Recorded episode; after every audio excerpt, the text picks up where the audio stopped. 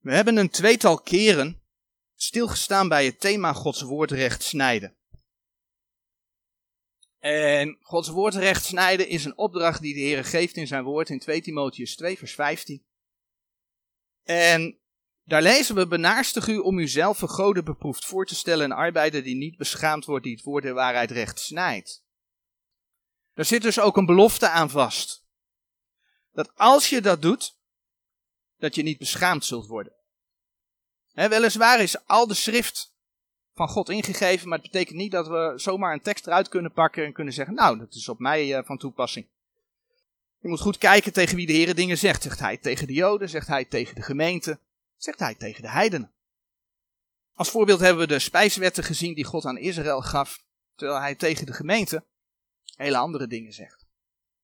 We hebben gezien dat God verschillende verbonden geeft. God sloot door de geschiedenis heen verschillende verbonden met de mens, waardoor Gods handelen met de mens ook wijzigde. dus die God die altijd dezelfde is, dat wil niet zeggen dat hij, dat hij altijd met de mens op dezelfde manier handelt. En daarom moeten we dat woord recht snijden. De laatste keer hebben we een aantal voorbeelden gezien die recht gesneden moeten worden. We hebben stilgestaan bij het verschil tussen de eerste komst van de Heer Jezus en zijn tweede komst. Belangrijk om te weten, omdat er teksten over de wederkomst gaan, over zijn komst gaan, en dat je dat moet kunnen plaatsen. Als je het niet kunt plaatsen, dan ga je dingen door elkaar halen. We hebben gezien dat soms een komma een verschil van 2000 jaar kan maken. Voor de komma gaat over zijn eerste komst, na de komma gaat over zijn tweede komst. Dus dat kan soms een periode van wel 2000 jaar zijn. Dat is dus de eerste en de tweede komst. Zo hebben we ook een verschil gezien tussen de tweede komst voor zijn gemeente. Dat is eigenlijk de opname van de gemeente. Maar ook de tweede komst met zijn gemeente. Dat is dat de Heer Jezus naar de aarde komt en dat zijn voeten op de aarde op de olijfberg zullen staan. Ook van belang om te zien. En daarnaast heb ik een aantal verschillen kort genoemd eigenlijk. En daar niet heel veel uh, dieper op ingegaan. Op een enkel puntje wel iets over gezegd, maar niet heel veel. Maar ik heb ook de vraag gesteld of jullie over bepaalde onderwerpen uit die lijst nog wat meer zouden willen horen. En daar waren er toen twee uitgekomen. De tweede is het Koninkrijk Gods en het Koninkrijk der Hemelen. Dat was nummertje D. Daar wil ik dan een volgende keer dat we weer over het rechtsnijden van Gods woord spreken, wil ik die nemen om daar wat meer over te zeggen. En de eerste, dat was nummertje A, positie en toestand. Wat daar dan het verschil tussen is. En die wil ik dan vandaag ja, bespreken. En dan begin ik gewoon met herhalen wat ik de vorige keer gezegd heb en ga dat ja, iets meer aankleden. En uiteindelijk wil ik daar een nieuw voorbeeld bij geven aan de hand van het thema van vorige week. Het thema vorige week was zijt heilig, want ik ben heilig. En dat is ook een heel goed voorbeeld voor het verschil, om het verschil te zien tussen de positie en Christus en wat je toestand is. En dat dat niet altijd overeenkomt. En hopelijk wordt dat verschil dan wat duidelijker. De vorige keer noemde ik reeds dat de gelovige in Christus vergeven is en Gods rechtvaardigheid mag dragen. Dat is onder andere Colossense 1 vers 14 en je vindt dat ook in 2 Korinthe 5 vers 21. En ja, dat is iets wat je van de Heer gekregen hebt. Dat is je positie in Christus. Dat bepaalt ook dat je behouden bent. Als je in de hemel komt en de Satan die klaagt je aan, denk aan de geschiedenis van Job, dan heeft hij geen poot om op te staan. Want de Heer zegt dan, ja maar ik ben voor hem of haar gestorven. Ik heb mijn leven voor hem of haar gegeven. Je bent behouden. Maar in de praktijk ben je niet altijd uit Gods rechtvaardigheid bezig. Je handelt soms of regelmatig naar het vlees. En dat betekent dus dat je toestand, dat je toestand, waarin je als gelovige aangetroffen wordt, niet altijd overeenkomt met die positie die je gekregen hebt. Ik noemde dat je toestand te maken heeft met de gemeenschap, met de relatie die je met de Heer hebt. Als je vol bent van de geest, als je je zonde beleden hebt, dan is je relatie met de Heer goed. Maar op het moment dat je zondigt, dan bedroef je de Heilige Geest. Kom je onder andere in Efeze 4 vers 30 tegen, dat je de Heilige Geest kunt bedroeven. En dan komt er iets tussen jou en de Heere God in te staan. Ondanks dat je behouden bent, moet je dan dus wel vergeving vragen, je zonde beleiden, om de relatie met de Heere weer in orde te brengen. Een hele mooie tekst die daarover spreekt en die we al wel vaker hebben aangehaald, is 1 Johannes 1 vers 9.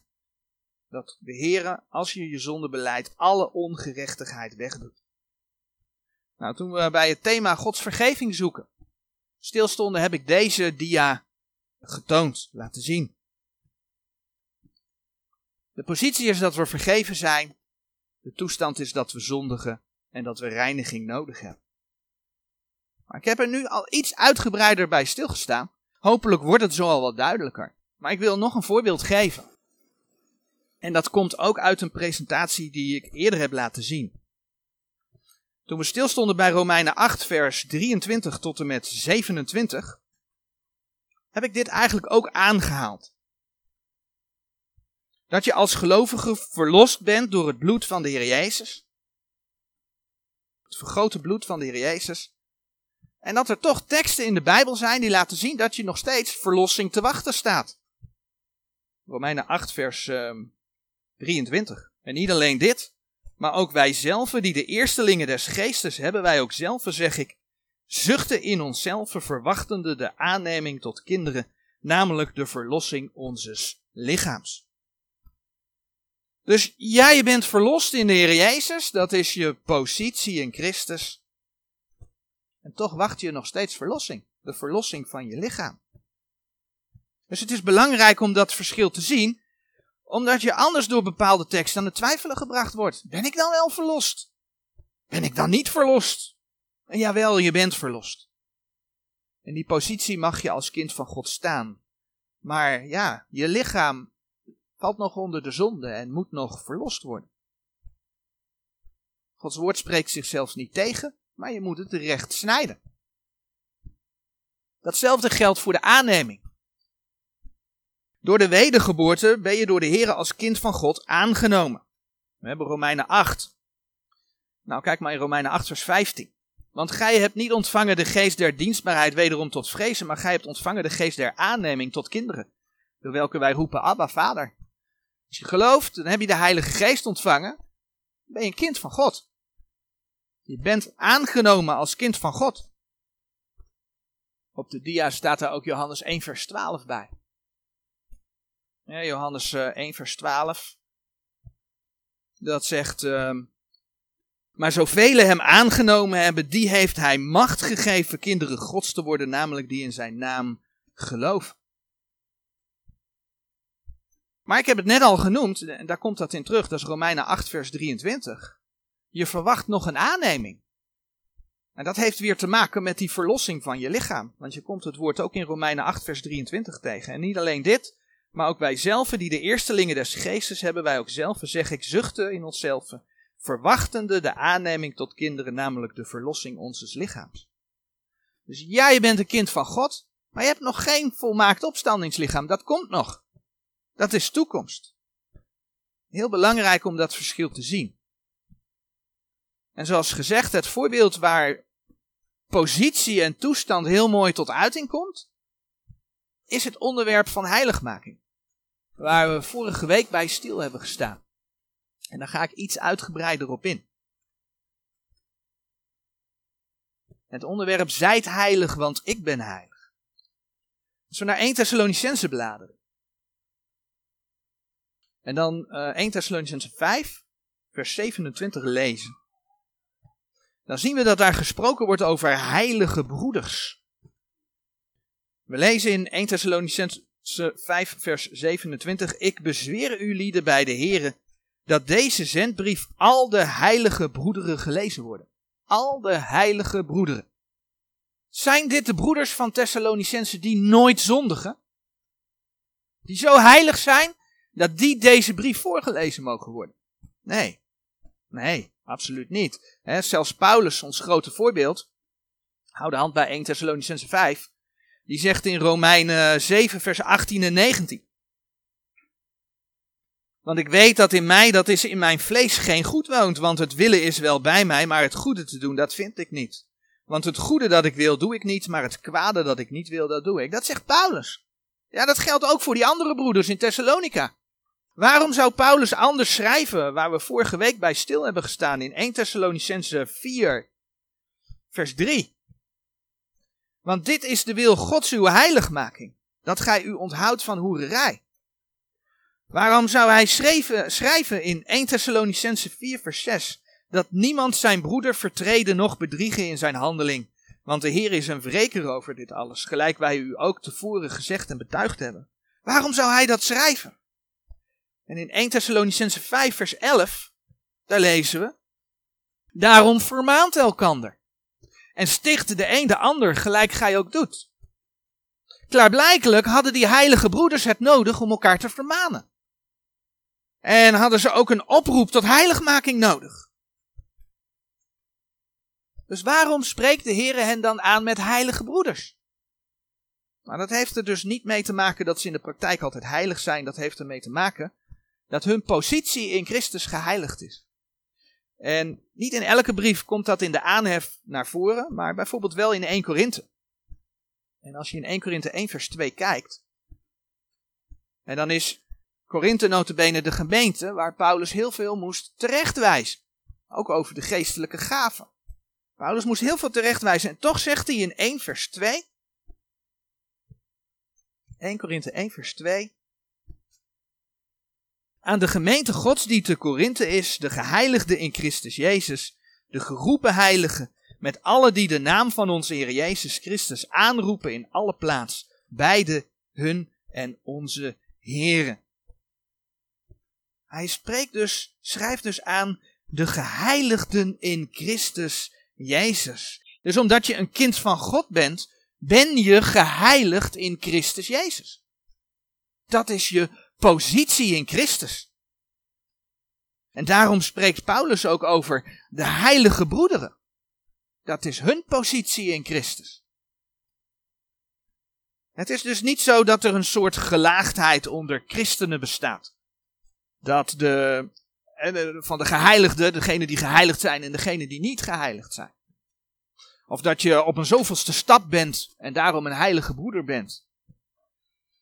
Het is dus niet zo dat alleen die heilige broeders die brief moesten lezen, mochten lezen. Nee, de bedoeling was dat de broeders van Thessalonicense die brief zouden lezen. We zagen al dat de Heer zegt dat in je vlees geen goed woont.